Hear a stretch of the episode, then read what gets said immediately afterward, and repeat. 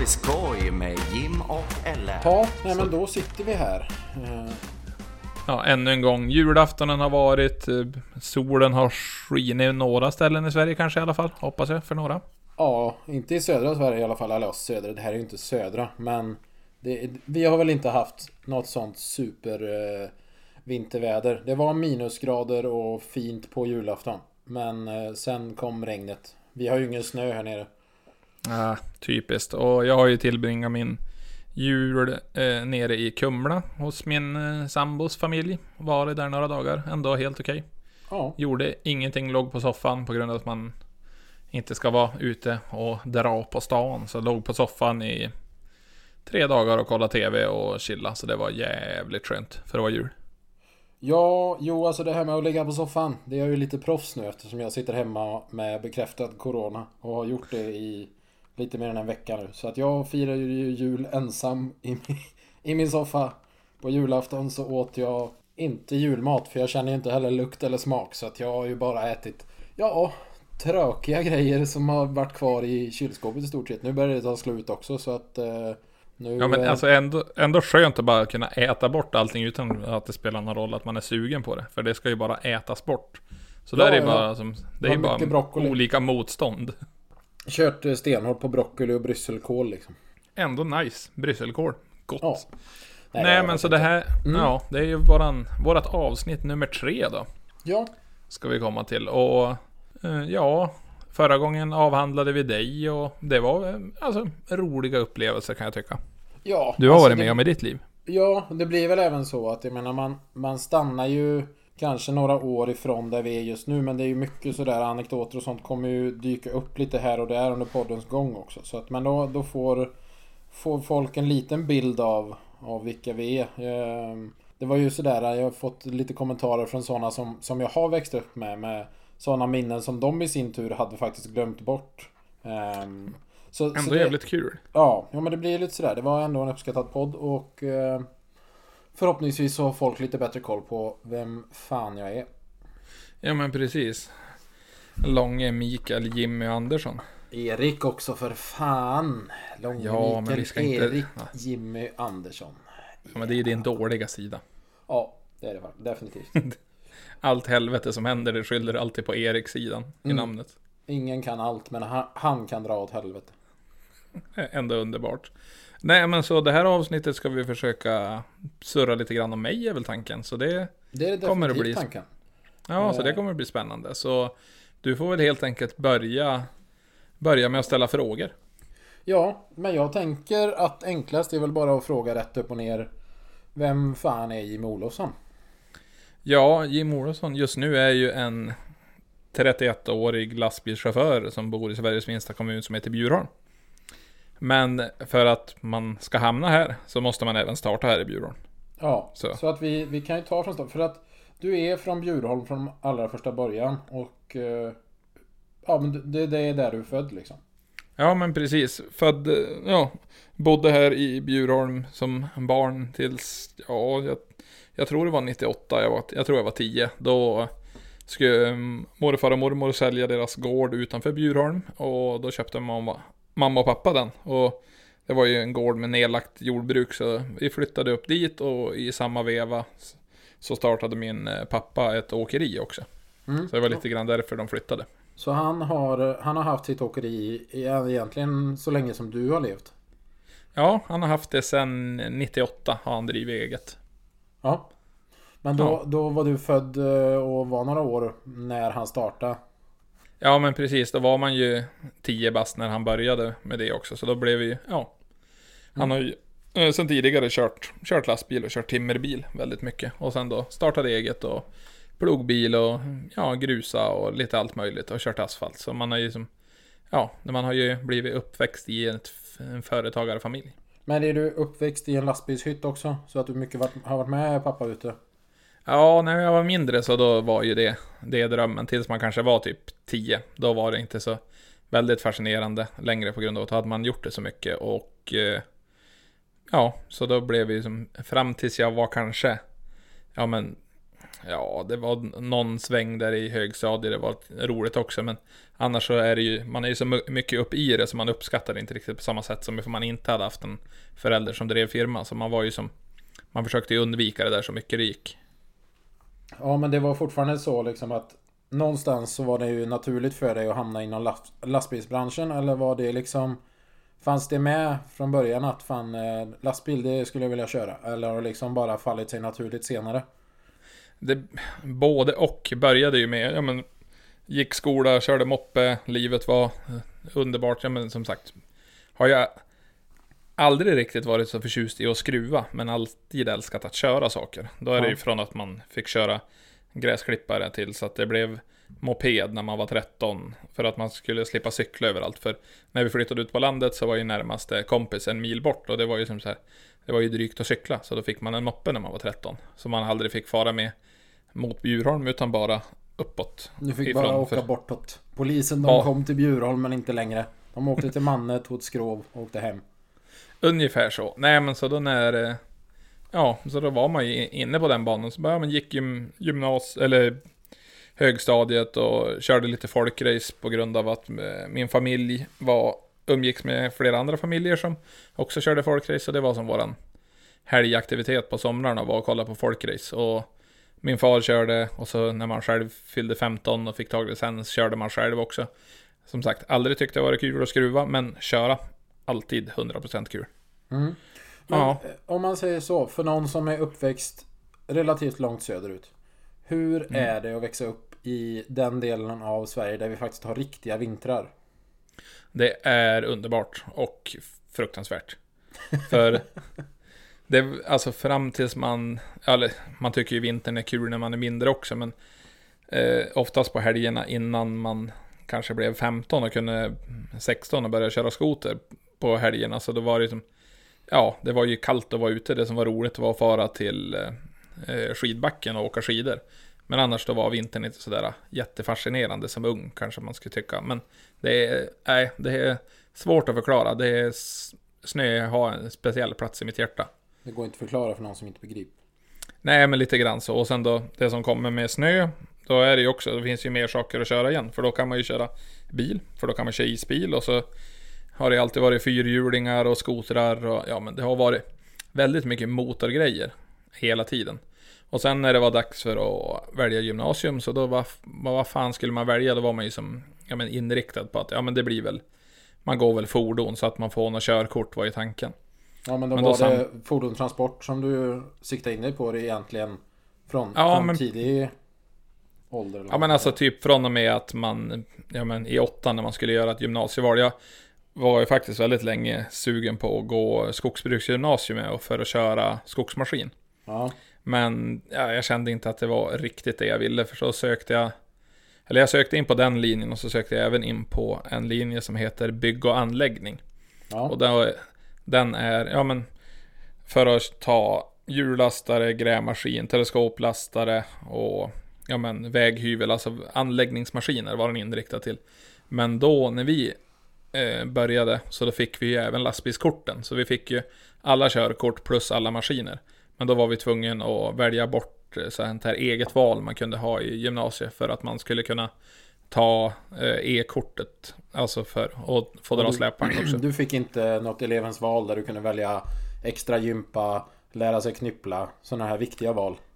Nej men precis, nej man fick välja mellan e-kortet eller ifall man hade någon aktivitet vi hade någon som spelar hockey och någon som även gick snowboardlinjen För det, ja du går ett vanligt gymnasieprogram men då Alla extra lektioner då har du Då åker de snowboard en dag i veckan Ja. Men det var inget, eh, alltså snowboard och skidåkning och sådär. det är inget som har varit intressant mer än som en fritidsaktivitet eller liksom så här, som ett extra? Eller har du någon gång liksom känt att fan det här var rätt kul, det skulle jag vilja hålla på med? Nej, alltså inte så mycket. Det är så här, alltså sport har man väl alltså smått hållit på med på grund av att alla kompisar gjorde det och det fanns inte så mycket annat att göra. Men jag har ju varit fruktansvärt dålig på allting som har med bollsport att göra och aldrig haft någon riktig så här brinnande energi för att kunna hålla på med, med idrott så. Vi åkte väldigt mycket snowboard förut Ja. när man var mindre. Alltså, för då hade ju backen öppet onsdagskvällar, lördag, söndag och det var ju vad, vad man gjorde hela vintrarna. Ja. Men nu är det inte lika mycket. Har, åker du skidor eller snowboard nu då? Jag åker, åker ju snowboard gör man ju. Det- I fjol blev det två, två, tre svängar kanske. Mm. Men det mattades också lite grann av, för när jag gick gymnasiet behövde man ju ett extra gig och på vintrarna så då kunde man ju faktiskt jobba som eh, pistvakt i, i ja, men, skidbacken då. Så då satt man och Pistvakt. skötte liften. Det kommer ju med Ja. så mycket följdfrågor. Ja, ja men Är det, som, är det som på pistvakt så? På riktigt? Är det en hojt? nej, alltså som sagt, när man var där så var man ju kanske 15, 16, 17. Så det var ju inget hojt, men man fick ju smörja dragbanan och det var ju det var ju pjäxträffar, det var ju som man fick kolla på. Så det, grejerna har ju hänt. Ja, det är ju... Det är med sanningen överensstämmande. Det de har inspirerat sin serie om. Ja, alltså den är, det är en väldigt underbar serie som man får, man, man blir glad varenda gång man ser den. Om Nej, när du men- bodde nere i Kumla var det en sån serie som du tittade på när du hade hemlängtan. Ja, jo, men det var det och sen då satt och lyssnade på Norrlandspodden när de pratade om inlandsdöden också, så man bara ja, det saknar man ju ibland.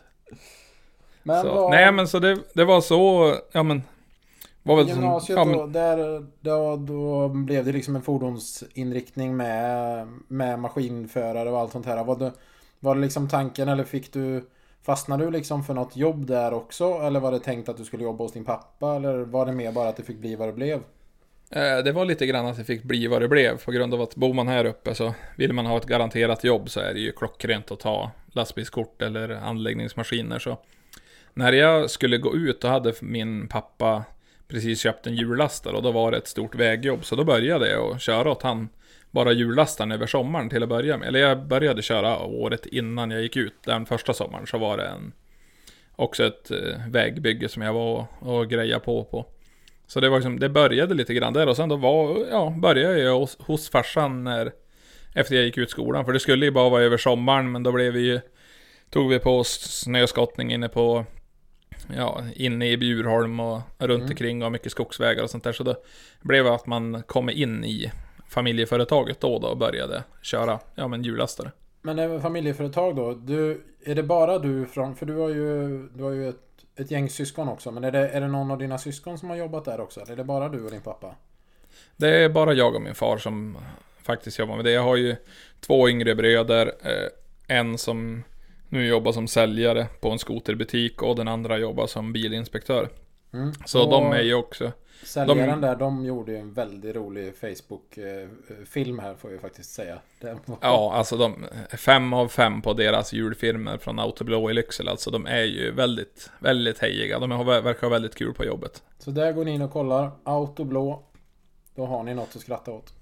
Precis, och sen då ska ni handla någonting därifrån. Far till Jens Olofsson eller till Ronny, då får ni bäst deal. Det är bra jävla Då killar. säger ni att ni ska ha Jim Olofssons rabatt. Ja, precis. Det är ett påslag på 32%. Ja, det är surt. Det är, det, man, man, det är den vanligaste frågan. Ja, men eh, kan man få något bättre pris? Absolut. Du får 10% rabatt. Jag ska bara höja priset till 20% först. Det Ja, ja, är- 100%. Ja, men Nej, det, och sen det... Ja. Så, den så närm... då, då landade ja, då- du i att jobba, jobba där med din pappa liksom. Ja, men precis. Och sen då har vi, eller ända sedan jag började så har vi haft en anställd. Och han, ja, har ju varit med, ja, vad, när, han kanske började två år innan jag började. Och han jobbar fortfarande hos farsan. Mm. Men den som faktiskt är närmast i familjen och skulle börja åt det där, det var ju faktiskt min lilla syster som faktiskt nu eh, eh, kör åt ett företag som jag har jobbat lite grann åt här i somras också. Så Mm. hon eh, kör, kör lastbil, så vi är tre i familjen som kör lastbil. Ja, det hoppar några hack i syskonskaran. Eh. Ja, men precis. Det är ju som, ja men eh, min yngsta lillebror också, han var ju sugen på att börja med lastbil, men ja, det blev väl inte riktigt hans grej. Han tog kortet och sen då blev det att han jobbade lite inom asfaltering som markare och sådär istället. Och så, han har varit runt och gjort lite allt möjligt, men det är som vi som har blivit inne i firman. Så jag var åt min far från och med att jag gick ut skolan och eh, jag tror det var två eller tre år. Sen slutade jag där då. Ja, och sen så Men har du bott kvar där uppe? Eller om man säger så här, var det där uppe som även motorintresset tog fart? För att det får man ju säga är en stor del av ditt liv. Och har varit de senaste åren i alla fall. Ja, men det har faktiskt varit. Alltså, fram tills jag kanske var 20, så då var ju som sagt, det var kul med bilar, men hade aldrig haft någon riktig projektbil eller hållit på någonting sådär extremt mycket. Man umgicks med folk som höll på mycket och sen då var det att jag köpte en Ja, men jag har haft någon Audi och någon 740 och jag menar alltså mest bara så här ganska vettiga vardagsbilar som har fått, jag har kört och misshandlat väldigt mycket och sen då skulle en kompis sälja sin 18-års bil som hade blivit stående med rasad diff och då köpte jag den för att bara skulle ha den som isbil till att börja med. Vad var det för bil då? Det var den första E30 som jag har haft, den beryktade semlan som jag började med, typ 2000. Jag tror jag köpte den 2009 och vi gick ut gymnasiet 2004, så det var typ tre år där efter gymnasiet köpte jag ju den bilen och då, när jag köpte den så man bara åh, turbo är fränt. Aldrig skruva bilen jättemycket och så skulle man Ja, vi skruvade ihop den där för att ha den på isen först. Det blev inte så mycket is för det hann ju bli sommar innan jag ens hade bytt diff på den. För att jag var ju, ja, som sagt, inte sådär jätte... Kunde skruva, men inte så här ingående jätteduktig på bilar. Det var inte riktigt... Men, alltså du ville hellre sitta bakom ratten än ligga under bilen? Ja, vä väldigt mycket. Mm. Så, nej men så då meckade vi ihop den där då, så körde vi någon... Det var någon burnout-grej som vi for på för att det skulle vara kul. För det var en annan kompis som sa bara, ja men jag får upp och kör där du, för ifall du kör, kör jag. Och så jag bara, jajamän. Ja. Och han hade ju mycket fränare bil, men han for ju aldrig dit. Men jag for dit och hade ju köpt några så här rödröksdäck som jag hade sett på nätet. Så man bara, ja fan, for dit, körde en burnout och så vann jag burnout-tävlingen. Så man bara, mäktigt. Så det var din första vinst inom motorsporten? Ja, kanske ja. lite folkrace och sånt i yngre år då, men... Ja, men precis, det var Men var det, det något som du fortsatte med sen? folkrace eller rallycross eller något sånt här? Eller har det inte Nej, funnits? alltså vi körde folkrace två år som ungdom. Sen när jag skulle bli 17 där, då var det som, ja men det hade ebbat ut lite grann för att, ja men, jag vet inte, jag såg inte riktigt, eh, ja, jag tyckte inte det var riktigt min egen grej och så var det ju roligare att vara ute med, med polare och åka och dricka bira och sådär på helgerna. Så det, det försvann som bort mycket, det där, just Lång, motorintresset för racing. Långburken, den har räddat många ifrån sporten.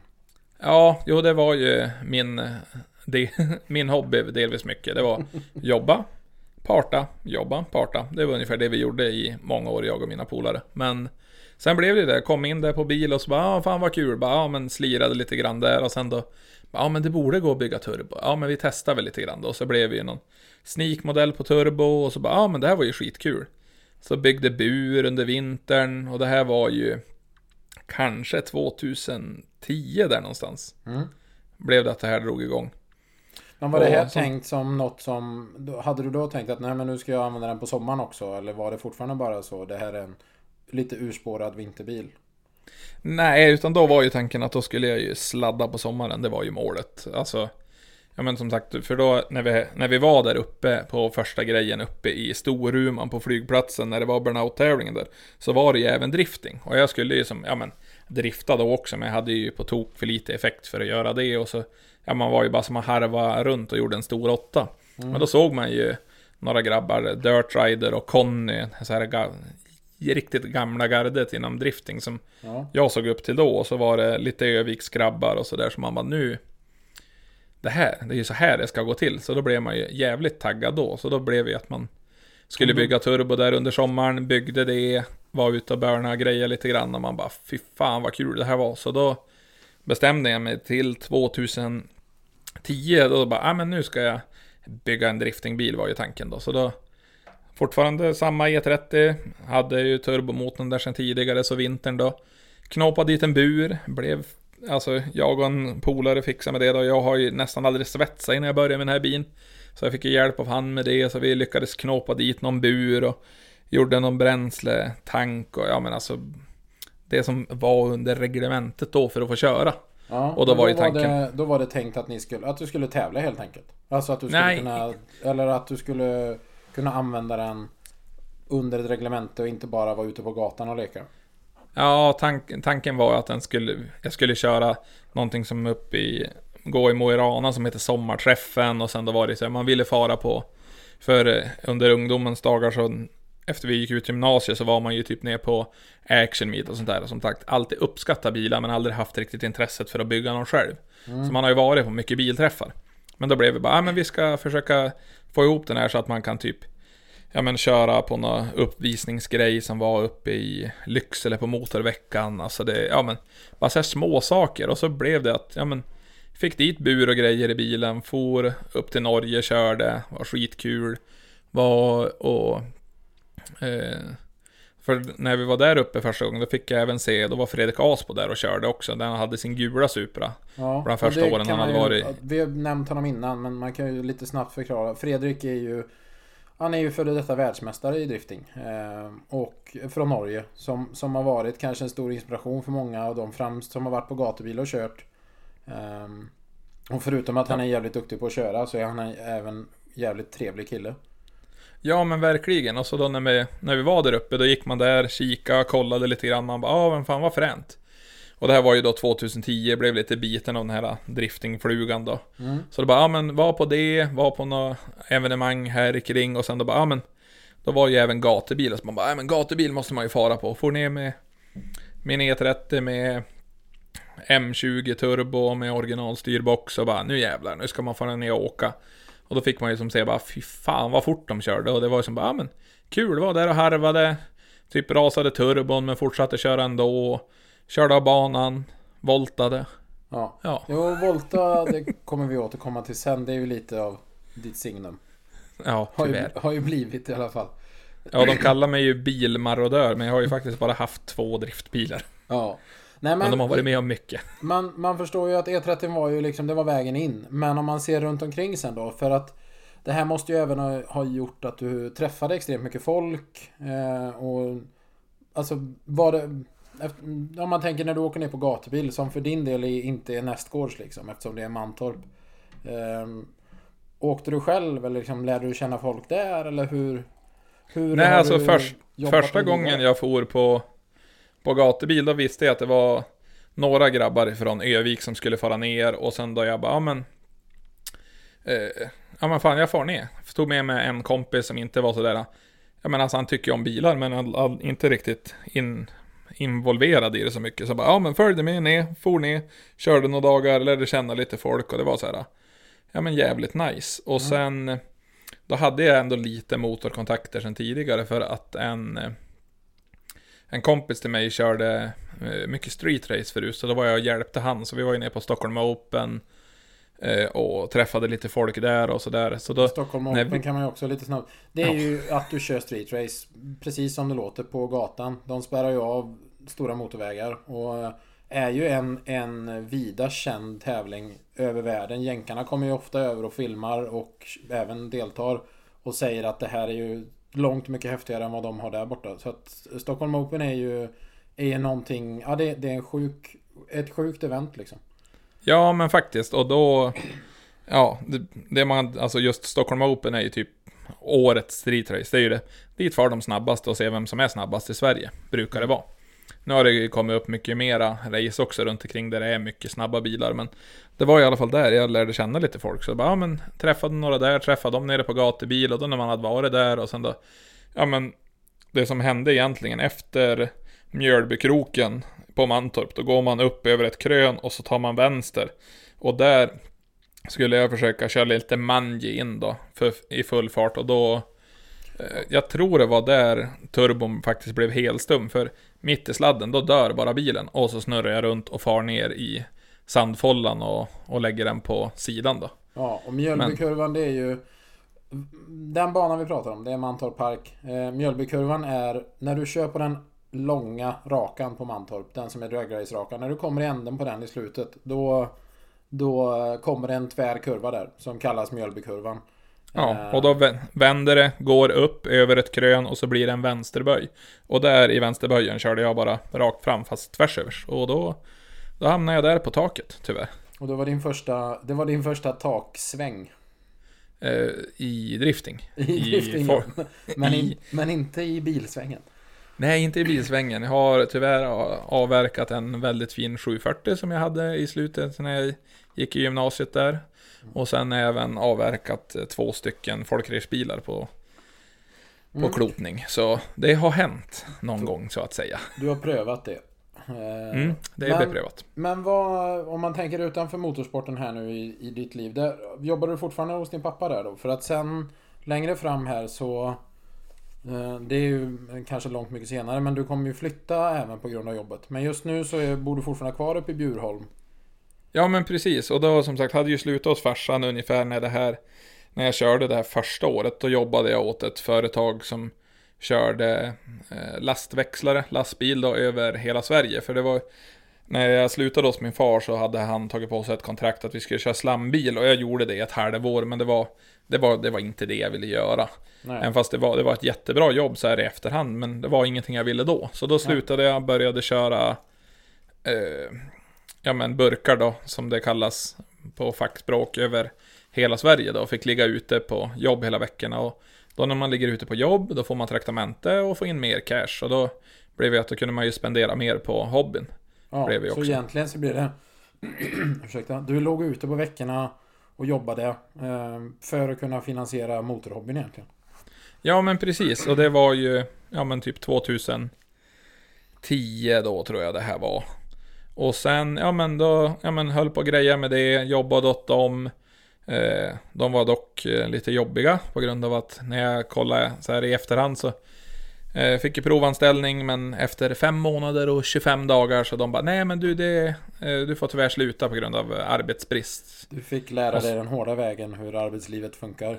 Ja men precis. Nej och sen då efter det så eh, började jag ju kolla upp lönerna och grejer också. Hade ju blivit blåst där för jag kollade ju aldrig någon löneavi på grund av att man hade jobbat på familjeföretag. Så man tänkte ju att ja, men folk sköter ju sig. Ja, Det här fuskar ju inte folk med. Men men det räknade ihop på det där halvåret så hade de väl blåst med på kanske 45 000. ja. På lite övertid och sånt där. Men bodde du kvar uppe hos... Bodde du hos dina föräldrar då? Eller bod, vart bodde du i Bjurholm? Ja, då hade jag eh, först eh, hyrt ett litet hus av mamma och pappa där min farfar bodde tidigare. Som, så jag bodde där i kanske ett och ett halvt år tills jag flyttade till lägenhet. För huset låg en bit utanför Bjurholm och de man umgicks med var ju inne i Bjurholm. Så då istället för att sitta och köra emellan hela tiden så var det att inte hyra huset längre. Mina föräldrar sålde det och sen då hyrde jag lägenhet i Bjurholm. Mm. Men om man ser sen då, vad, vad en, blev liksom nästa stora grej i livet som du, som du kommer ihåg efter det här? Alltså, E30 var ju vägen in. Um, men vad var nästa liksom efter det? Var det en flytt eller var det en ny bil eller var det något event eller vad? Nej, alltså grejen var alltså då... Ja men som sagt, började på med E30 där och så bara men körde, ja men det här var kul. Till nästa år byggde den lite bättre. Eh, året på det, jag tror 2013 hade bytt till en M50. Och då 2012 eller ifall det var 2013, då hade jag ja, men jobbat runt lite grann. Men då började jag faktiskt om hos min far igen. Mm. Och då blev vi också, men då hade vi lite andra jobb, så då körde jag ju grusbil. Och vi hade, ja, jag kunde sköta mig själv, så jag jobbade extremt mycket måndag till torsdag och sen då på helgerna så var det ju oftast, var ute på event, för då var vi det var då som riktiga driftingintresset ökade mycket, för då var det ett, någonting som heter Whole Shot Event som höll på här uppe, som drivs av Kenneth Andersson. Ja. Som hade någonting som hette Whole Shot Drift Dudes. Och då var vi for omkring på olika marknader och typ i stort sett körde ja men inofficiella driftinguppvisningar som vi gjorde över hela Norrland. Och det var sa- då jag träffade även Jim Selin som blev en av mina mekaniker som skulle vara med på heltid. Ja, för det är väl ändå en, en stor del i det. Just uh, Stumpen, Jim Selin. Ja. Eh, vad... Det är ju genom motorsporten du har träffat honom. Nog för att ni är från norra delen av Sverige båda två. Men det är inte på grund av vart ni bor som ni, som ni har lärt känna varandra. Utan eh, det var mot, motorevent där också. Ja men precis, för han var och hjälpte en annan kille som heter Jim Nordqvist och sen då kunde inte han fara på ett event uppe i Pajala. Och sen då hade inte jag någon som kunde hjälpa mig för jag hade inte riktigt någon sån där som var med mig hela tiden och meka när vi var ute. Så jag bara, men vill du följa med mig upp? Och så, ja, för oftast när vi var på de här eventen så då var det ju att man fick ju hjälpa till med allt. Det var ju som att Även fast vi skulle köra uppvisningen så var man ju med och riggade och fixade allting så här runt omkring. Så man blev ju som lite eventpersonal plus uppvisning. Så det var ju jä en jävligt kul sommar det där. Ja. Och då, ja men då följde han med och vi klickade ju som fan och umgicks ju som, som fan efter det. Ja. Och då... Men då eh, bodde han eh, i Övik, eller? Ja, Ja. precis. Och det gör han ju fortfarande då också, men då Ja. blev det att, ja men då körde vi ju 2000... Eh, ja, 2012 var det då som Holeshot var jättestort och sen blev det ju 2013 och då tänkte jag, ja men nu ska jag fan tävla på riktigt. Så då, ja men körde SM och eh, Holeshot-serien då. SM gick väl så där. jag tror första året slutade blev, jag tror sju, nej jag tror inte ens sjua, men kanske tio eller någonting sånt där. Ja, det är dåligt. Fast det var- tio första året. Man förstår ju Ja, musik. men vi, vi var ju typ 16 som körde alla tävlingar, så det var ju inte sådär jättesvårt. Förbannat. Nej, och... Ja, men under den här tiden då, då var det så man bara, ja men då lärde man ju känna mer och mer folk. Då lärde jag även känna eh, en av de som har hjälpt mig jättemycket, som jag kommer komma till, men även som var en av mina stora idoler. Det var ju faktiskt Johan Halvarsson, en kille som är ifrån Ludvika, som var väldigt tidig med att ha alltså, ganska vettig setup på bilen. Han körde även mycket när Fredrik Aspo körde i Skandinavien innan han for till USA, så de, har också lite personlig kontakt där bakom. Håll Så då börjar man-. Ja, så då började vi knyta lite kontakt med han och så blev vi 2013 då, det där, då, ja men var hängde med han, lärde känna mer folk.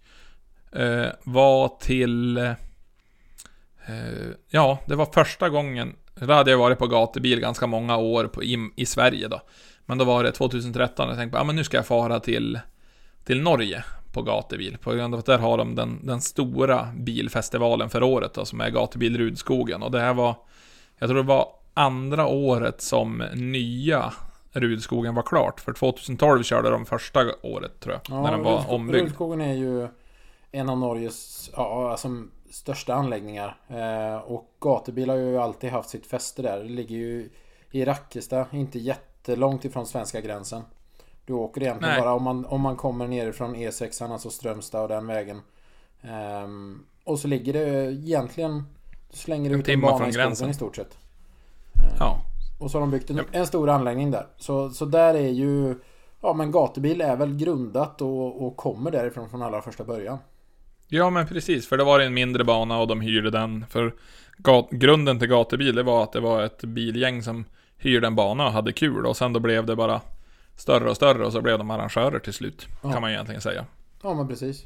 Snabbt förklarat. Ja. Nej men så då skulle jag fara dit då, för då hade jag ju men satt in en ny motor i BMWn som det var en M50 så man hade ju mer effekt och hade faktiskt börjat få lite hjälp både, ja men som jag sa från början när man skaffade sponsorer och höll på så var det ju det var lite mera allmosor. Man, man fick, fick hjälp av de som tyckte att det var lite kul att hjälpa till.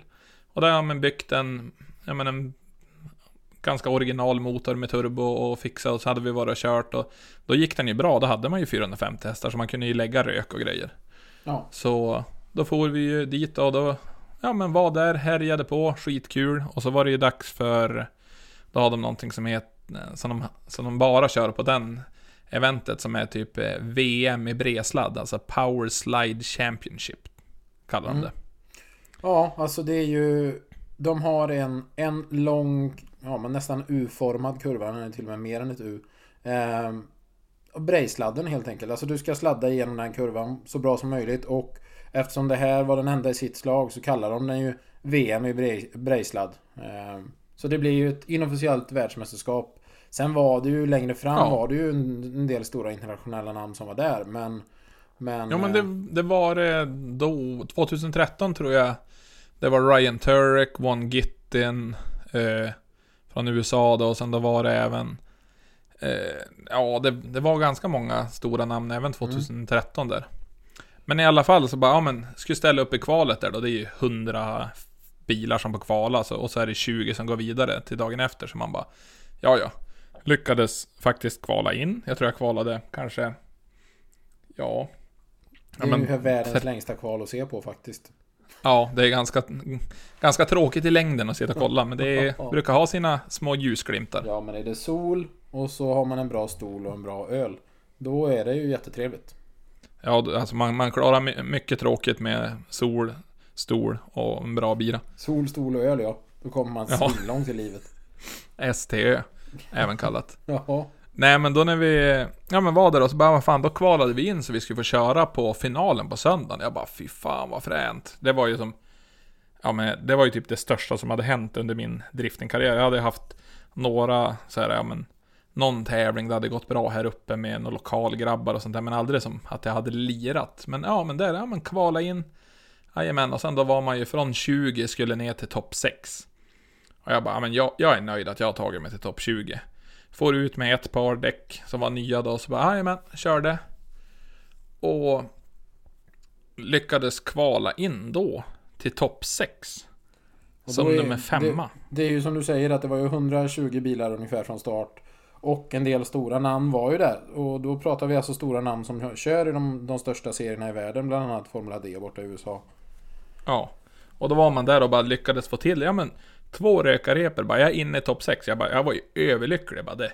Nu är, nu är ju livet komplett. Det det kommer inte, inte bli något mer. Och sen då bara for vi ut och körde eh, topp 6-repan då. Och jag tyckte att den här kändes jävlar vad bra den här repan blev också. Men jag tänkte den, den räcker nog inte. För det var ju, då i topp 6 så var det ju, ja men Fredrik Asbo var ju med, Johan Halvarsson, eh, jag tror även det var Kenneth Moen.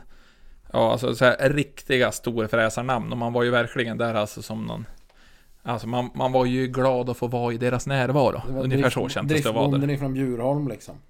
Ja. Men Och det, då- det ska man ju även säga att det är ju aldrig någon svensk som har vunnit i Norge. Gatubil är ett Nej. norskt evenemang. Vi säger inte att det är jäv.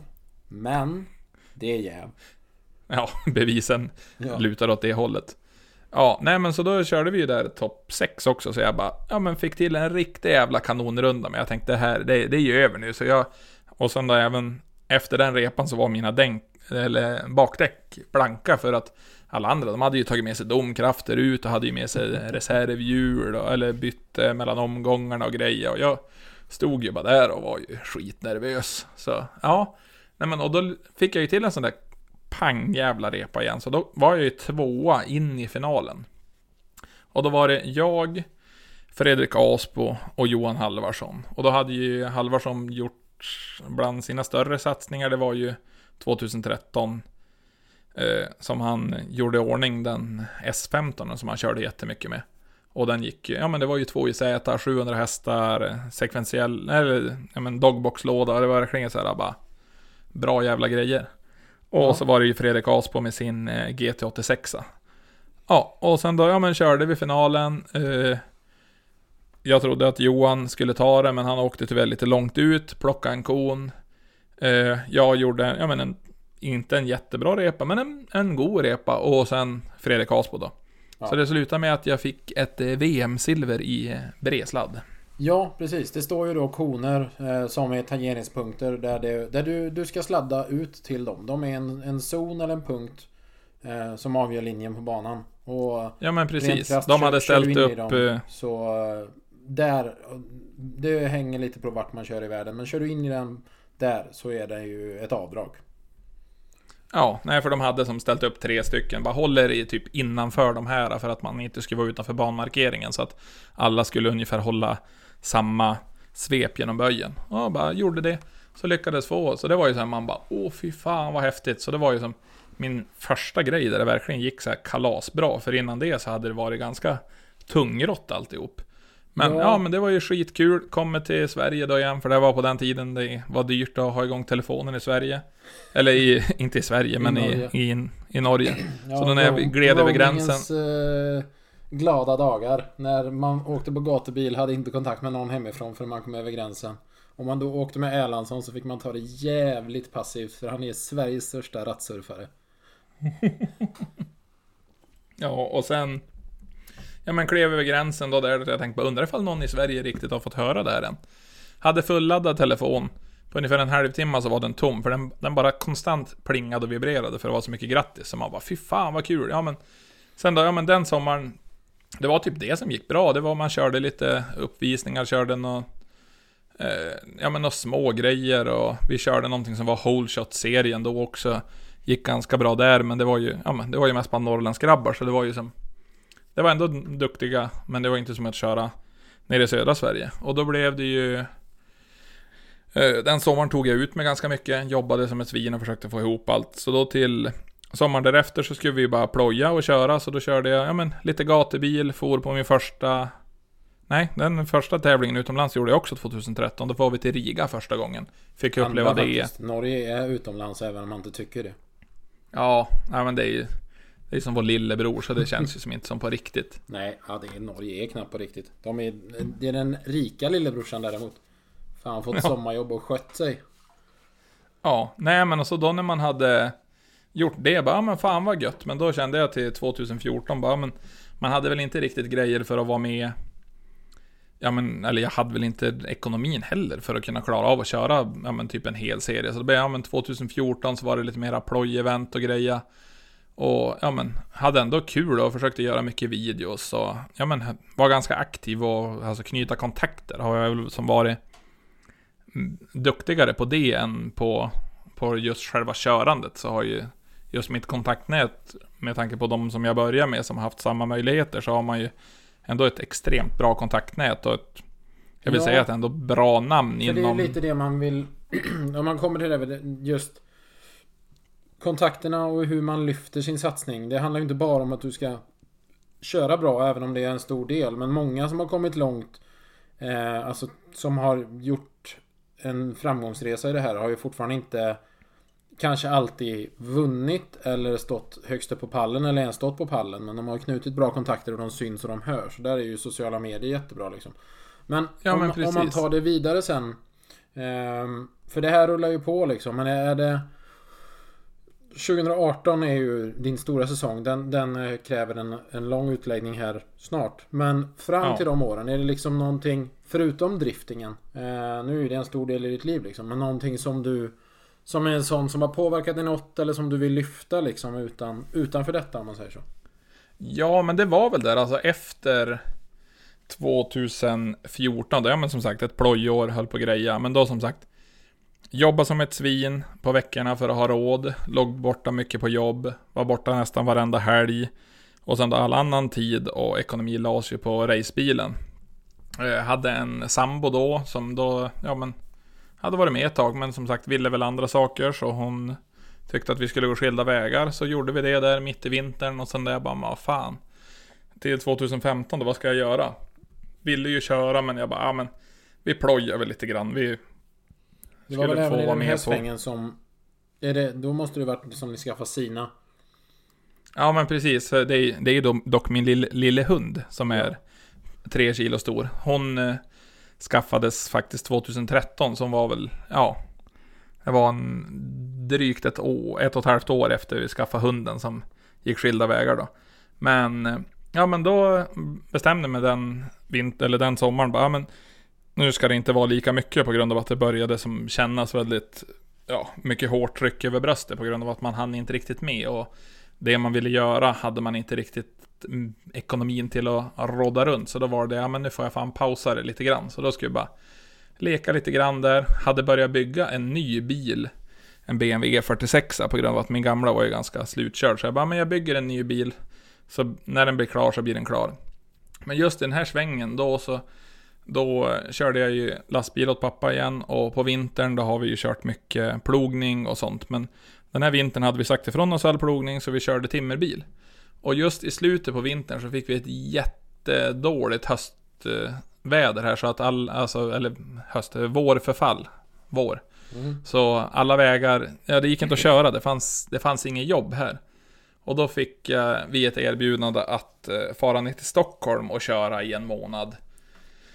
Så då frågade farsan mig på torsdagen, bara, men vad, vad tror du, ska vi fara ner? Och så jag bara, ja men jag kan åka ner. Då, då kör jag där en månad och sen kommer jag hem. Så jag tänkte, ja men lite traktamente, det blir bra. Blev det en Så- månad i Stockholm då? Nej, det blev ju inte en månad, så jag for ju ner 2015 eh, i, ja det var väl typ i april. Och jag var ju klar tog upp lastbilen ifrån Stockholm eh, januari 2018. Så det blev nästan tre år som jag blev nere i, Stö- Du packade Stockholm. kalsonger för en månad. Kom hem efter tre år. Helvete vad du Ja. Ja, det var så in i helvete. Nej, men då blev ju det att, ja men det, då fanns det ju jobb där nere, det var kul att jobba där. Jag tyckte att det var kul att göra någonting nytt, hade skaffat en billig lägenhet i Bjurholm och så bara, men vad fan, det, jag kan ju lika gärna jobba här nere, det här var ju skitkul. Fick trä- träffa folk, eh, eh, hade bestämt mig för att bygga en ny bil då, och så träffade jag eh, Tokan då, som jag hade haft lite kontakt med tidigare, som var en av de drivande bakom Radio Power, nu som Micke eh, äger, eller ägde. Ja. Ja, Tokan är ju... Ja, Anders Bjälkelöv. Det är en hemlig identitet så att sök inte på den men... Han, eh, han är ju... Han har ju varit med i bilsvängen extremt länge. Han var ju en sån Ja. riktig stylingkille från allra första början. Ja, och så nu, nu driver han en firma som heter SSI, Stockholm Speed Industry, som bygger djävulska hantverk till bilar, alltså mycket specialbyggen åt kunder och sånt där. Men som sagt, då hade jag haft lite kontakt med de här sedan tidigare, så jag bara, ja men jag kommer förbi, hälsa på dem vid garaget och sådär. De bara, ja men... För då hade ju mina satsningar gått alltså ändå bra, han hade ju synts mycket. Så de bara, men ska du inte köra på hårt till nästa år då? Så jag bara, jo men jag har ju en bil som jag har byggt bur och som gjort grunden i. Och så han bara, ja ja men hade det inte varit bättre med typ en E30 igen? Och så jag bara, jo, ja kanske. Och så gick det någon vecka och så jag bara, nej men vad fan. Eh, Fick tag på ett E30-chassi och så ringde jag till Tokans. Bara, men ifall jag skaffar ett E30-chassi, är du med och sponsrar då? Alltså på att stoppa i bara en bur, var ju tanken från början. Ja. Och han bara, ja, ja men det, det är jag fan med på, det blir ju svinbra. Så, ja men, körde ner den bilen till han samtidigt som det skulle vara gatubil. Eh, sålde bort min E46. Och sen, eh, efter det gatubilet så då eh, kasserade jag min, min gamla bil då för att den, eh, jag lyckades smälla den där då så det blev ju bara, det blev bara skrot. Så jag bara, ja men perfekt, nu tar jag och lyfter över de grejerna som funkade till den nya bilen och så blir det, ja men, då blir det ändå kul. Och enkelt. Ja. Och sen, sen blev det ju inte så. Nej. För det här, som sagt, det här är ju då 2015-16 då någonstans som ni bygger den nya bilen. Eh, Ja men precis, det här var ju hösten. Ja, det var ju typ efter midsommar där någon gång. Då bara, ja men vi, vi slår väl dit en bur då, bara jajamän. Och så blev vi bara, ja men vi tog han bara, ja, men jag, jag vill göra det riktigt. Så han kapade bort halva bilen, byggde helt röromschassi i stort sett. Och sen då har jag haft lite kontakter med Simson och så sen tidigare. Så då de bara, ja men Ja men fan ska du bygga nytt? För de har, deras Europakontor ligger i Umeå, så ja men bara haft tur och Simson är ju ett möjlighet. företag som säljer alltså säkerhetsprodukter. Ehm, hjälmar, overaller, bälten. eh, allt du kan, ja framförallt deras nackskydd, hybridskydd är ju någon av deras stora ja, storsäljare inom driftingen. Det är ju säkerhetsprodukter så att du inte dör. Helt enkelt. Ja, som sagt, de är ju bland världens ledande företag inom motorsport, personlig säkerhet och de äger ju bland annat till exempel, jag menar, andra stora varumärken som Stilo och Hans, alltså de är ju, de är ju världsledande. Ja. Så de bara, ja men, för han, jag har känt eh, JP då som har det, han bara, ja men vad fan, vi, vi hjälper dig ifall du, ifall du satsar ordentligt då. Så jag bara, ja men fan, då kör vi. Så bara till 2016 då, ja, skulle göra en, en enkel bil var tanken. Det blev ju allt annat än enkelt. Så det blev en helt ny bil, nytt bodykit, ny motor, ny drivlina, allting var nytt. Så eh, fick hjälp av Kalle Linnarsson på C-parts. Han har ju gjort typ halva bilen invändigt. För efter den var klar hos Tokan och den var lackad. Så då drog vi den till Falköping.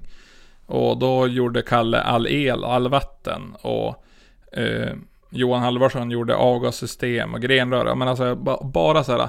Folk jag lärt känna under tiden och så de bara, ja men ska du göra det här? Ja men vi hjälper till. Så jag betalade ju allt material och de bara hjälpte ju till med hur mycket tid som helst. Så då, där då stod vi där 2016 med en skitcool E30, försökte köra lite grann då. Vi körde, jag tror 10 event den sommaren. Bilen fungerade en gång och det här var 2016. Det var ett event som den inte bråkade. Nej, så det, Och, det här var ju då det som man klassiskt kallar barnsjukdomar, ett läroår liksom. Ja, men verkligen. Och vi, vi var ju inte med och körde någon serie, utan vi var ju bara, bara på så mycket event vi kunde för att få körtid. Mm. Och det var ju alltså en verklig jävla upplevelse. Men sen nu, ja, 2017 Där blev det väl lite mer ordning på bilen. Du fick köra lite mera event. Ehm, Men Ja. här, under den här tiden så bodde du fortfarande kvar i Stockholm. Ja, då bodde jag i Stockholm, så på, på veckorna jobbade jag ju, ja men, som sagt, och jobba mycket, jobba mycket, det är ju som, i min värld så har det här varit vanliga dagar. Då, så här, kliver upp mellan halv fyra, fyra varje morgon och kommer då tillbaka till jobbet, även där jag bodde, för jag, det låter lite dumt att säga, men jag bodde i en grusgrop. Det Hyrde- du faktiskt. Bokstavligt talat så bodde du i en grusgrop. Ja, så det var ju för att eh, kunna ja, men försörja min drifting. Så då var det ju, eller min hobby, så då var jag men jobba mycket, inget boende förutom det jag hade på jobbet. På helgerna bodde jag hos eh, kompisar där vi var och byggde bilen, eller så var jag hemma hos mamma och pappa. Ja. Men det var ju som sagt bara för att försörja eh, racingen. Och då, ja men, jag jobbade ju kanske, ja men 220-260 timmar i månaden, konstant. Och var borta då på helgerna, körde racing, jobbade som svin på veckorna. Ja men fick allting, det, det gick ju ändå runt. Jag hade ju hjälp av mycket företag också, men det var ju som det var ju min egen inkomst som var den som stora källan för att få det att gå runt just då. Ja men det var ju, alltså man får ju säga det så att för att, för att finansiera en hobby som faktiskt inte ger något ekonomiskt tillbaka, det är ju väl en hobby nästan aldrig. Så, så eh, har du lagt ner extremt mycket tid. Ehm, och det var ju som du säger, det var jobb och sen så var det hobbyn. Men om man tänker så, i Stockholm för övrigt när du inte jobbade eller, eller var grejer med bilen, fanns det utrymme för annat? Vad, vad var liksom vad var en, en klassisk eh, Stockholmskväll eh, om du inte blir sittande i, i din grusgrop? Ja, alltså det var ju... Eh, ja, hur, hur var veckorna? Måndagar var ju matlådemåndag. Så då efter jobbet så gjorde man matlådor. Och sen då tisdagen så, då- ja men då... Tack ja, men, um, ja, ja men typ lite grann sådär. Men det var ju typ, ja men man hängde med typ några andra som eh, veckopendlade och bodde där också som hade husvagnar och sånt. Jag hyrde ju en barack av NCC då. Och sen då de kvällar de behövde hjälp där så då jobbade jag ju extra åt dem på kvällen. Och sen då varje torsdag, nej varje onsdag så får vi ut och käka med de som bodde där i, i Gry- vad heter det? ja men som också veckopendlade, som bodde på samma anläggning som jag. Och sen lärde jag även känna lite lastbilsfolk, så det var det ju, ja men eh, Johanna som även, ja, som jag lärde känna på ett bygge där och sen då, som även blev en av mina bättre vänner där nere. Som introducerade mig för ännu mer kompisar där nere. Hon, vi lärde känna varandra på grund av att vi bägge har små hundar. Så när jag var ute och rastade min hund och vi var på samma bygge så hon bara åh, också en liten hund. Man bara ja, kul, ja. Och sen som då körde, man bara lite körde grann. hundtricket på varann fast båda hade redan en hund. Så att, Ja men precis. Det var så här bara, har du sett vilken gullig hund? Hon var ja men har du sett vilken gullig hund? Nej men, ja men typ sådär. har du sett Eller så vilken var det- liten hund? Han bara, jag har Ja. lika liten. Ja men lite grann sådär. Så då blev jag att, ja men, fick lite kontakt med människor där och hon var ju väl, väldigt bra att ha som kompis på grund av att under vinterhalvåret re, reste hon mycket, så då behövde hon ha hundvakt på helger och grejer. Och på sommaren reste jag mycket, så då behövde jag ha hundvakt. Så då blev vi så här, ja men, vi blev hundvakter åt varandra och sen då, ja men, visade hon mig i Stockholm mycket mer än vad man, än vad jag hade gjort annars. För då, Annars liksom. Ja.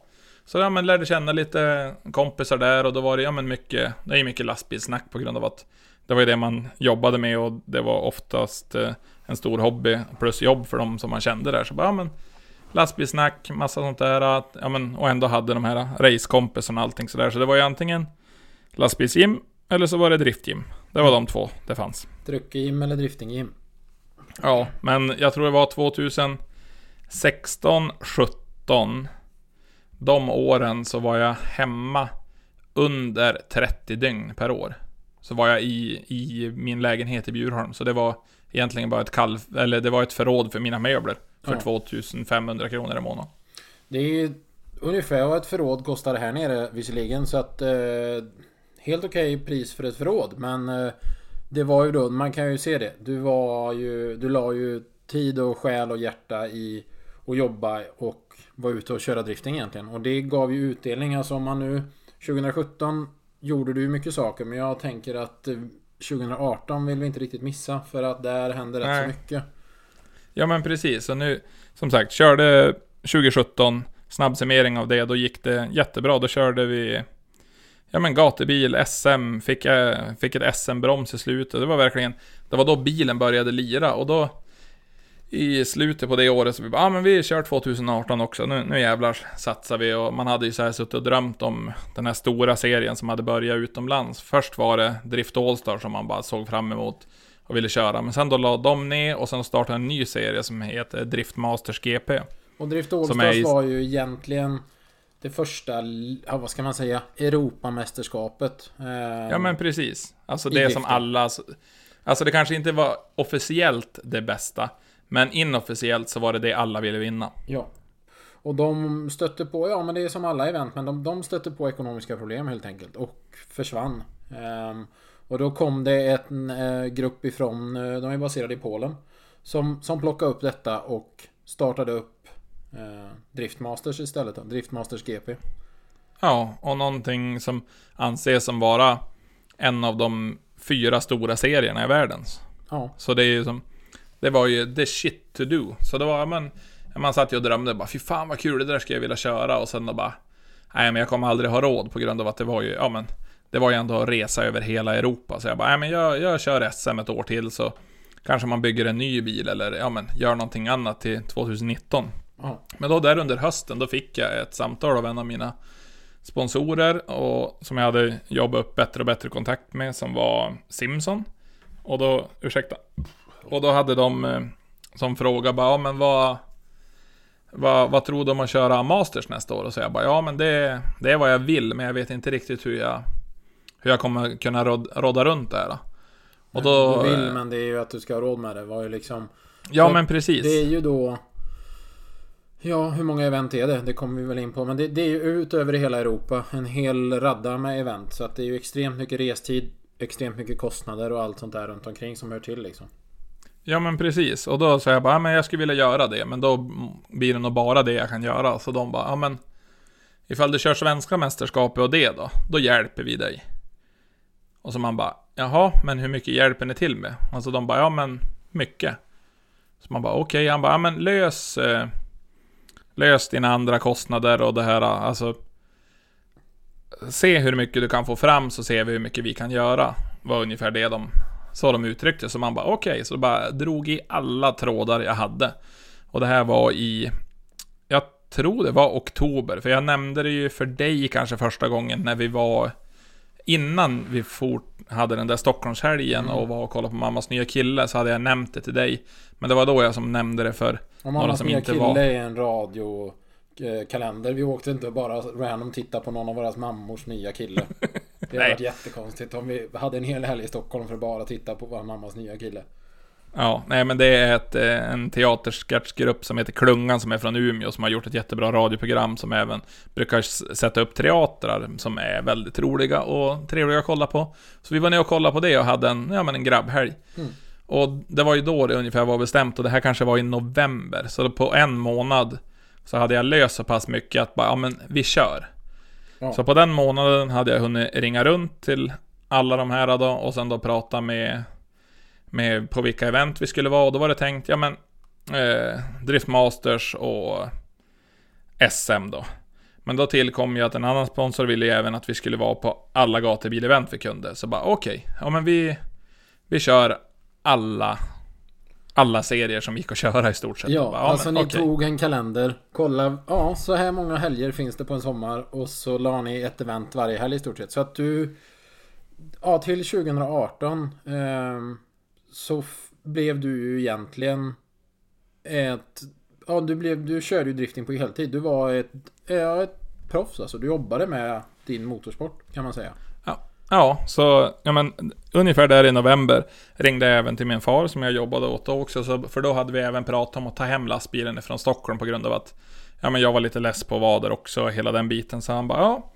Och så ringde jag åt honom och sa jag bara du, vad säger du ifall jag säger upp mig? Och jag hade tänkt sluta i eh, slutet på januari. Han bara Jaha, varför då? Har du fått jobb där nere? Och så jag bara, nej men jag hade tänkt köra drifting på heltid. Och farsan har ju som sagt, han har ju... Han har ju stöttat driftingen. Men han har inte varit så positiv till den, för han har sett att den har kostat så väldigt, väldigt, väldigt mycket pengar. Så han kände varit- direkt att eh, det här, det här är framtiden. Jag står bakom dig min son. Ja, nej men alltså han har ju varit stolt över det man har åstadkommit, men han har väl tyckt att det har varit på tok för mycket pengar och tid. Och det är väl som, skulle jag kolla på det objektivt och se vad det, alltså från en tredje person och sett hur mycket man har lagt på det här, alltså bitvis så det är ju inte riktigt så att det är Nej, vettigt, tänker vettigt en- ibland. Och när vi har summerat ihop eh, 2018 här så kan man ju ta en, en liten snabb eh, Alltså inblick i vad en sån där budget faktiskt landar på. Och då ska man ju räkna ut att det här är ju Ja, i Masters finns det lite prispengar men det är fortfarande inte mycket. Så att man... Nej, det är, det är ju mer en stor utgiftspöl, kan man ju se det som. Och så kan man få Ja. lite skvätt tillbaka ifall man, har, ifall man plaskar nog mycket. Mm. Man får inte Nej, bara men så hänga då- i kanten på poolen liksom. Ja, nej men så då i, ja men i januari, då sa jag upp mig från mitt jobb och då hade jag roddat så pass mycket med sponsorer och grejer så att från och med januari det året så var jag anställd för att köra drifting. Ja. Så då blev vi ju från januari tills påsk så var det ju förberedelse. Då var det ju att preppa bil, planera resor, eh, ja men fixa med reservdelslager, eh, hitta några folk som skulle följa med och jobba. Och då var det ju, fick jag med mig en kompis som ställde upp som indirekt är en av mina större sponsorer den här satsningen. Det var en kompis, han var, han var less på sitt jobb, han ville göra någonting nytt. Och sen då fick han möjlighet eh, och, och vara med mig. Så jag bara, men vad fan, säg upp det från jobbet och så får du följa med. Så du behöver betala typ din mat.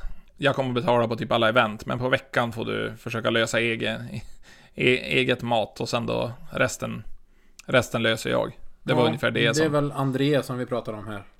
Ja men precis, André Forsberg som Han har varit mekaniker åt några andra så här, liten, liten kompis, jag visste vem det var men vi hade som inte umgått så mycket. Men Den vintern började vi umgås och så jag bara, men fan du, ska du köra på det här då? Och han bara Ja, ja, jag vet inte. För han, ja men som sagt ändå Säga upp sig från ett fast jobb, fast inkomst. Han har ju ändå sina utgifter. Men då lyckades han rodda om Fixa lite grann Så att hans, eh, hans hyresvärd fick vi ju med på en delvis sponsring så att han eh, reducerade hyran för han ett tag för att han skulle kunna följa med och sådär. Alltså det var ju som... Ja, det var helt sjukt. Men han följde med i alla fall. Och då i samma veva så hade jag ju pratat mycket med eh, Johan Lindfors som driver On Roaders. Och då, han har ju så här bara, ah, men han ville gå bort från sitt vardagsjobb också. Så jag bara, men nu har den här chansen. Du får följa med. Jag betalar allt boende, ungefär samma grej. Eh, så fixa mat på helger och sånt där. Du behöver, ja men typ stå ditt... Ja, för tanken med att ha med Johan, det var ju egentligen liksom att ni skulle... Johan är ju extremt duktig på, på media, alltså foto, film, eh, grafisk material.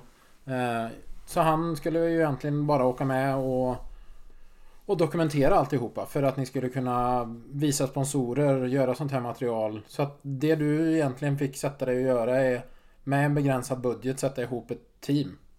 Ja men precis, och då... Då var ju tanken att Johan skulle driva... Ja men han skulle driva en vlogg, ta alla intäkter vi kunde från den reklamgrejen. Jag körde den andra sponsorsaken och sen skulle han driva utöver det då skulle han väl försöka få On the Roaders att växas till det varumärke det är idag. Alltså jobba mer med kläder och hela den biten. Så han hoppade också på tåget. Så då var vi där. Då var vi vi tre som skulle köra där heltid och sen då hade jag tre stycken mekaniker till som hette Micke, Jim och eh, Johan. Och som hjälpte till också oändligt mycket. Men då drog vi igång det där, så då bara, ja, men från och med, ja men, fram till påsk byggde vi bil, fixade lager. Eh, var vi nere på Bilsportmässan i Jönköping på Elmia, visade satsningen och alltihop togs, ja, väldigt positivt på grund av att vi var de första som verkligen skulle köra det på heltid och så som, ja men, som proffs egentligen på grund av att Ja men vi det får hade budget. säga att det var. Och det är väl det som kanske blev svårt för många. Men det var ju så här, du, du jobbade ju med att köra drifting. Under, ja ett års tid i stort sett. Ja men precis, och då bara, ja men Vi satt där och ritade upp budget och bara, ja, men det här borde räcka, det borde räcka och så okej Och sen då när säsongen drog igång så då, då var det ju som tur att eh, för att vi hade med mig André och vi hade en racetrailer som vi hade och jag hade med mig Johan. Så då var det att vi lyckades ju på grund av att schemana den sommaren föll ju så fruktansvärt bra. Så det var ju bara ett event som krockade på hela sommaren. Ja. Och det var när det var eh, typ den sista gat, näst sista gatubilgrejen krockade med en av mina större sponsorers eh, öppet husdag som de sa att jag skulle vara på. Så jag bara, jajamän. Och det var ju Payback Lubricant som har också varit en av mina största sponsorer. Ja, för också. satsningen 2018 så var det ju egentligen de och Simpson som såg till att du kunde göra. Alltså de var ju de största sponsorerna. Sen var det ju självklart andra sponsorer med. Men eh, de får man ju lyfta fram som utan dem så hade du ju inte hade du ju inte varit där. Nej, nej, nej, nej. Utan de... Alltså, jag hade väl tre sponsorer som gjorde 80% av budgeten. Ja. Om man säger så. Och sen då de sista sponsorerna så var det, ja men det var ju mycket delar och sånt också, men det var ju inte Det var ju inte det som tog kostnader om vi säger så. Och sen då hade jag ju jobbat som ett svin också och försökt jobba upp en, en liten buffert som jag brände under vintern för att bygga upp ett reservdelslager till exempel och sådär. Ja. För det är ju Men det, det- det här var ju tävlingar som sagt ut över hela Europa och går det sönder Ja då behöver du ha delarna med dig annars så är det kört liksom. Så att Ja. Nej, så på en sommar, så på 26 veckor så gjorde vi 22 event. Och under de där 22 eventen så var det totalt utlagt 49 kördagar, tror jag det var. Mm. Så där är ju bara, det är ju liksom Försöka sätta sig in i det. Och det här pratar vi alltså helger. Då pratar vi ju Nu jobbade du ju inte med annat än driftingen. Men Sen var det ju som sagt för att ta sig till tävlingarna i Europa. För att det ska man säga att ni hade ju Simpsons trailer. Alltså lastbil och trailer. Vilket gör att det tar längre tid att ta sig dit. Det är andra färger för att kunna åka över alla möjliga olika sund. Eh, Ja, så mycket, alltså det... det- var ju mycket resdagar liksom. Ja, men som... Eh, och eh, som tur var så var ju faktiskt det upplagt så att vi skulle väl ligga ute i eh, fem eller sex veckor första etappen. Och sen skulle vi vara hemma i två veckor. Eller ifall det var ja, men en vecka, en helg, en vecka och sen då hade vi race på helgen som kom det då. Och sen då var vi borta då i sex veckor till. Så då var det ju så här att vi var ju tvungna att ha med oss delar och grejer för att kunna klara sex veckor. Och så var det så här, bara, men hade fixat med, ja men beroende på vart vi skulle, så hade vi kontakt med team på grund av Simpsons kontaktnät, på grund av att sponsra massa andra förare. Så bara, men om det här skulle hända, får vi låna eran verkstad? Så vi hade allt så här förberett, alltså som nödplaner. Och det hade vi redan Alltså fixa innan påsk, så det var bara, ja, men då har vi som Ja men ni hade En sett plan att till gå att ha lite Både hängslen och livrem när man kommer ut i Europa För att det är ju som du säger det, Man behöver ju bygga ett kontaktnät även där För står du där och skulle behöva låna en svets Nu är ju det här driftingen är ju sån att eh, Det finns ju fortfarande Gemenskapen på det viset att Går något sönder så ställer de andra teamen allt som oftast upp Det, det är väldigt få team som inte har den mentaliteten Nej men precis, de vill ju verkligen få det, alltså man vill ju vinna på lika villkor. Man vill ju inte vinna för att någon inte eh, Alltså att någon saknar en drivknut och så har man sex stycken själv på hyllan. Det är ju klart man lånar ut den. Och så bara, ja, men får jag tillbaka en ny eller så får du swisha med, ja, men, tusen spänn. Ja, jo men så Nej, men så vi hade ju- och det, det, är ju, det är ju en sån grej som som har gjort driftingen till en, en populär Alltså Både att åka och titta på men att vara en del av och det är ju Det är ju Alltså kamratskapen som finns mellan teamen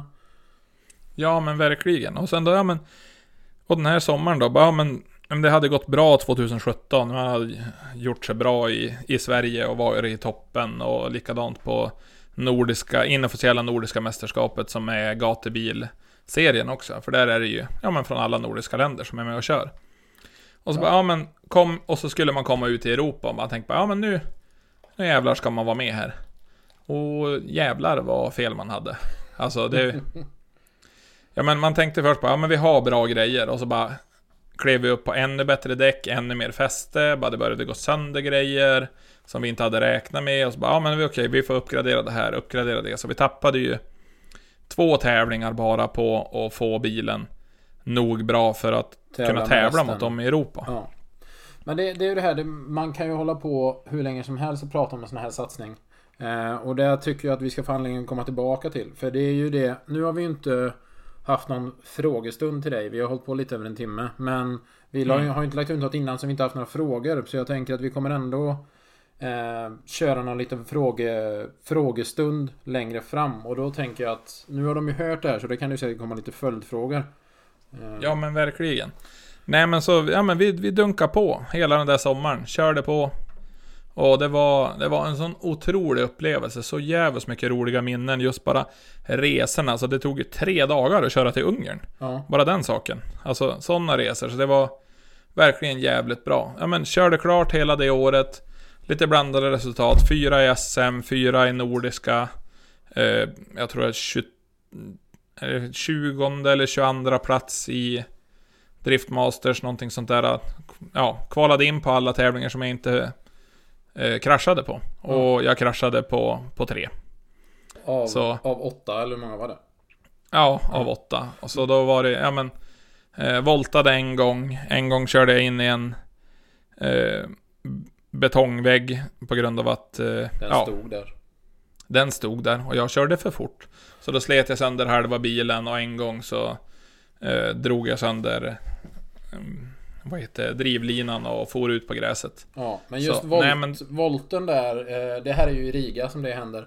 Den är ju någonting som eh, i alla fall personer som, som har eh, ett intresse av motorsport och eh, framförallt då Simson. De har ju sett den här eh, voltningen med bilen flertalet gånger för att Simson själva använder ju den här i sin reklam idag för att visa hur, hur bra deras utrustning är. Ja, för de var ju faktiskt med när vi byggde bilen, fick hjälp av Tokan, så hade vi ju Simson som rådgivare just på stolsplacering, hur vi skulle ha bältesinfästningar. Tokan gjorde ett skitbra chassi och sen då kompletterade Simson med den personliga säkerheten. Så det var ju som... Jag menar alltså, man klev ju bara upp och allting var, var bra efteråt, förutom att bilen såg ut som skrot. Hade förstört alla stötdämpare, fälgar, drivlinan. Alltså det var ju bara Men hur fort gick det när du voltade? Jag vet inte hur fort det gick precis när jag voltade, men kanske 80. När det som alltså tog tag och slänger, slängde runt bilen. Men på rakan vid överläggningen. För det som händer i Riga, du... Då har du en lång svepande höger, vänster. Och sen efter den så har du en till högerböj. Och precis där så... Då kan det vara tre eller fyra bilar tidigare så var det en som hade sprängt diffen. Men när han hade kört ut från banan så hade han bara sprayat lite olja längst ut. Precis, ja, som längst ut i zonen. Så när jag kommer där och hamnade, jag kommer lite för, för fort på banan så att nej, jag kommer lite djupt i den zonen. Och då försvann bara allt grepp. Så de trodde ju först att det var jag som hade läkt eh, olja på banan. För de sa att ja men det är hypoidolja för det är så här det luktar. Och så jag bara men det har inte gått sönder på min bil. Så det var ju faktiskt där sedan tidigare. De bara Så du, Okej. du voltar ju egentligen på grund av att Ja, ska man vara rent krass så hade de inte full koll på att banan inte var 100% eh, Nej, för de hade sanerat eh, 100 meter tidigare, men då när bilen hade läkt ut all olja där trodde ju de så var det ju lugnt. Så då när bilen körde ut så kom inte oljan förrän där borta sen. Och det är ju som, ja, sånt som kan hända. Men... ja, nu gick det ja, ju bra då- men det här är ju liksom en sån det, det, är ju, det är ju något som man ska ta med sig att det, det är ju fortfarande det är höga hastigheter och det finns ju risk med det som, som görs liksom. Ja men precis, och hade det inte blivit sådär, alltså jag vet inte ifall jag hade träffat zonen sådär superperfekt, men jag hade nog inte drivit ut så långt som jag gjorde med tanke på att allt grepp Nej. försvann. Och sen, ja men efter det då, så ja men vi, vi fullföljde säsongen och bara jobbade på som några djur. Och efter det så, ja men Johan fortsatte nu och driver on Roaders, har fått upp Roaderwear till ett väldigt stort varumärke. Sam, un, under den här tiden så då bestämde ju du och jag oss för att vi, ja men vi ska ju ha ett event också. Ja, Med jo. Johan och Kvist. Så då hade vi ett, ett discodans-event mitt emot alltihop också. Ja, vi tyckte ju det att du hade ju inte, du hade inte så mycket att göra och vi andra hade inte så mycket att göra så att vi startade ett event samma sommar. Ja. Och det, Nej och sen... det, det är ju... Ja. Alltså just den här... äh, Ja men hela 2018 som sagt. Det... Om man, man ska sammanfatta det kort liksom. Det, det är ju extremt mycket pengar det handlar om. Men vad kostar en sån här satsning? Nu körde ni ju tre serier. Det är ju kanske inte så många som gör det. Men nu gjorde ju du... Du, du körde ju det som gick liksom. Ja, nej men jag har ett... Eh, vi gjorde ett Excel-ark före och efter. Vad, vad det här faktiskt skulle kosta. Men alltså med nu kostnaderna som kommer, det är ju det är inte att köpa en driftbil, den ska du redan ha. Ja. Och Ja men du ska ha allting till den förutom reservdelarna. Men vi hade räknat på 1,4 miljoner med lön och då är det bara en som har lön. Nu var vi ju tre stycken. Men det slutade på 1,7 tror jag. I slutändan på året. Och då är det, ja men alla resor fram och tillbaka för ett helt team. För resorna stod ju alltid, men det var inte att man kunde stå dem med lön överallt. Nej. Eller Nej, och det, typ det här blir ju också så. Det, det här kan man då se vad, vad kostnaden är för en, en liten i sammanhanget motorsportsatsning. Eh, som samtidigt var en av de större driftingsatsningarna som jag gjort. Men det är ju det som, som många kanske inte riktigt förstår hur mycket pengar det faktiskt handlar om. Och nu hade du ju extremt bra backning av de som hjälpte dig rent på banan liksom. Eh, alltså som André och Johan och, och alltså dina mekaniker som var med dig. Eh, som för sin del Ja, du tjänar inte heller massa pengar på det här året och det gjorde inte de heller men Ni fick en, en upplevelse utav det och det tror jag man liksom ska ta med sig att Det kan vara så mycket värt även om det ekonomiskt inte är någonting man eh, har någon behållning utav. Nej men precis, och det var ju som sagt, ja, men jag, jag hade ju lön under den här tiden. Och jag fick ut, ja men Jag tror det var lagt så att jag fick ut ungefär 20 000 rent i månaden. Och de där 20 000 varje månad de, de gick till mat, att vi skulle vara ute på eventen. Så det var det var min lön var på. Så jag hade ju Jag tror det var inte någon månad där det inte var Under 1000 kronor när lönen kommer. Utan det var ju ofta så var det väl att lönen var slut Tre dagar innan jag behövde egentligen betala ut den. Ja. Och det är ju det här liksom. Ja, pengarna gick åt för absolut det, det är en hobby men samtidigt då var det ju ditt jobb. Ja men precis, och det var ju som sagt, det är den bästa och Ja men alltså den bästa grejen jag någonsin har gjort för det, som sagt det har Det har givit mig så mycket mer än vad jag trodde att det skulle Göra och det hade varit så kul ifall fler hade fått möjlighet att göra den just bara för att de ska få Insikt hur mycket jobb det krävs för jag hade verkligen vi hade planerat att köra 2019 också och det var i pipen. Men då när bilen hade gått sönder och behövde egentligen bygga nytt chassi och så började jag känna på att mitt psyke klarade fan inte av det här jävla höga tempot och stressen som Som var, för jag hade en budget till året därpå som var Var tänkt, alltså jag ville ju Jag ville ha två miljoner i budget då för att vi skulle kunna vara två stycken helt på heltidslön. Ja. Plus att vi skulle ha bättre grejer. Så jag behövde egentligen tre miljoner klart innan Typ Nyår och ja, bara, bara jag kommer inte få ihop det jag jag kunde sagt ja och dragit igång satsningen och chansat på att jag skulle kunna få backning. Men jag, jag, jag valde nej. Ja, men den. där är ju mycket sådär, det man ska, för det ska vi prata om lite, även om det här är en podd där vi ska ha eh, Ja men det ska vara en lättsam eh, skitsnackspodd med lite sköja inslag Så kommer vi ändå lyfta lite sådana här ämnen och det är ju Det, det är för, för stort för att lyfta nu men just det här eh, Påfrestningen som blir av en sån här satsning, alltså på psyket och på kroppen och påfrestningen som blir av, ja men bland annat driva ett eget företag och arrangera event som allt som kommer runt.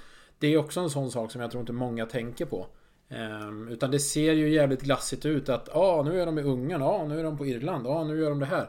Absolut, men det är ju extremt mycket både restid och eh, offrad fritid som ligger bakom. Ja, ja men alltså vi, vi gjorde en, en räkning där i slutet på året, eller jag gjorde det också, så bara men vad... Hur mycket har vi egentligen jobbat under veckorna? Med resor och event. Och då hade vi räknat resor, event plus de dagarna vi faktiskt aktivt skruvade. När vi på en sån här ledig dag så kunde vi kanske skruva fyra timmar bara för att det var lite koll. Men vi snittade ungefär 70 timmar i veckan effektiv arbetstid. Ja, och då ska man person. ju ha med sig att det här är ju Ja, det är ju inte ett vanligt jobb. Det var liksom fortfarande 70 timmar men det är som sagt, det kunde vara 50 timmar i lastbil en vecka liksom. Så att Ja men precis, och sen då kunde det vara, ja men Ja men skulle man ha eh, en racehelg så bara, ja men vi ska kliva upp då och då, och så bara, ja men utöver det så ska man, ja men Det kanske är inbokat att det ska vara två stycken eh, Sponsorer som ska vara där på plats som har Varsitt gäng på fem sex personer som ska ha lite visning och de ska ha en föreläsning och hela den biten också. Ja, Så det är, Nej, det, det är... eh, det, det här finns anledning att komma tillbaka till. Ehm, så, Absolut. så det är liksom, och det är samma där. Nu är vi på 2018 i din berättelse och vi slutar väl ungefär på, på samma i min. Så jag tänker att vi, vi kommer eh, återknyta till det för ja, det här är ju Vi vill ju att ni ska få lite lära känna oss under tiden också och eh, vi ska ha lite mer frågestund längre fram. Ja men precis, för nu börjar ju tiden dra iväg på det. Fan jag säger, jag har suttit och surrat nu i typ 1.20 så... Ja, Nej men så, det var så, så när till säsongen 2018 var över så då var det jag bara, "Ja, men eh, jag lugnar mig nu med någon satsning och tar det lite, lite lugnt. Så då blev det att man, man pausade allting, hade ju precis träffat en tjej då i samma veva. Och så då flyttade jag från eh, Umeå igen då efter jag som stängde ner hela racingsatsningen, eller ja men som lugnade ner den. Så då bara, ja, men då tog jag mitt pick och pack och flyttade ner till Kumla till min nuvarande sambo då, Sandra. ja. Och då, ja men, ha, bodde där i ett år och, och trivs och gjorde grejer och sen, Ja men jag tänker Efter det det här är ju året- fortfarande så Vi ska egentligen inte sk- skynda igenom det men det blir lite mer nutid så det skulle man kunna klippa in på en eh, På en nästkommande podd när man ändå pratar lite vad fan händer just nu ja men praktiskt. Nej men det var det som hände efter racingen i Ja. alla fall. Och där är Blev lastbilschaufför igen. nu Du är i din lastbil Nu är du visserligen tillbaka i Bjurholm Du ser det är ju fram och tillbaka Det är för mycket grejer att gå igenom Precis. Nej men så hoppas att ni hann med lite grann och att det inte blev allt för stökigt för nu har vi gjort ungefär en en 10 års sammanfattning på 1.30.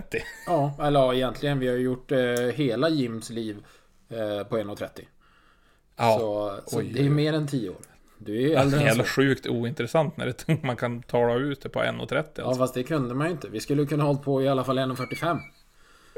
utan, utan problem. Men Nej men så... nej alltså ja. det som... Nu ska vi väl eh, sätta oss... Det här tänker jag väl vi att vi släpper på fredag som vanligt. Ja men det tänker jag också. Ja. Och sen, vi skulle ju kunna ha nu om... Eh, om nu när det har varit så pass mycket och vi skulle göra en Q&A så har ni några frågor om det vi har surrat om nu så dra ihop dem så då tar vi det i början på, på nästa podd och bara trycker igenom lite frågor och sen då ska vi surra lite skit i allmänt också. Ja, och så ska vi försöka få till... Eh, se lite längre fram om vi kan få lite gäster. Vi hoppas ju att det här eh, coronabröten kan släppa så att vi... Vi kan ha lite gäster eh, och till en början så, så blir det väl mest mig och Jim ni får lyssna lite på men vi har lite idéer för vilka vi ska ha med och sen eh, tänker vi väl att vi ska lyfta lite allmänt sånt där eh, skit och bröte. Alltså sånt som, ska vara, som kan vara kul att lyssna på liksom. Så nej men jag vi har, eh, vi har lite idéer vad vi ska göra. Jag, jag har ett tips den här veckan. Om man har en liten stund över. Då går man ut på YouTube. Och så söker man på Biggie Winkelo. Det stavas som det låter, Winkelo. Eh, hon... Det här är också långsökt men av någon anledning så googlade jag på att spela, spela saxofon och då fanns det en kurs där hon var lärare och då tänkte jag då måste jag ju se vad hon har lyckats med om hon är lärare för att det man vill göra det är ju att spela så epic sax guy. Eh, Ja. Men sök på henne och så lyssna lite på vad hennes band spelar. Jag har inte Ja. ansökt till kursen kan vi säga alltså. Men eh, Okej, så det här är Mi- Mickes coronatips. ja, det är mitt coronatips till er. Sök på Biggie Winkelo hen, på YouTube. Underbar, underbar spelning. Åh herregud. Ja, nej men alltså. Jag får ju ändå tacka för ett trevligt samtal med dig Micke den här dagen. Och eh, även tacka er lyssnare som orkar stå ut med den här, den här stämman. Hoppas att ni ans- ja, tyckte att det var lite intressant i alla fall. Jo men det hoppas jag. Annars blir jag fan lack alltså. Det blir fan, det blir fan lavett. Det blir, Ja, du- det blir som jag säger till Sina, det blir käppen ifall du inte sköter dig. Ja, jag säger som Kvist alltså. Vi vill ha lavettogram alltså. Det vi skickar ett direkt. Tjoff, pang bara. Nej pang men eh, där är vi ju nu. Så eh, ni, när det här släpps så är det ju för fan 2021 också. Hoppas ni har haft ett bra jävla nyår. Att det var trevligt. Hoppas Ja jag. men precis, och det här släpps ju då på fredagen så ni kommer ligga där förhoppningsvis lite bakfulla. Men så finns det de som är där med fruktansvärd ångest också. Och Mm. du kommer ju komma ihåg det här för alltid. Du kunde ha gjort annorlunda. Japp. Ta med dig det. Du kunde det. gjort på annat vis. Precis. Skäms. Ja, du kunde fått vara med i testamentet, men icke. Nej, struken. Ja, nej men jag tackar för mig och ha det så fint. Men du är detsamma. Ha det gött. Ha det. Hej! Hej!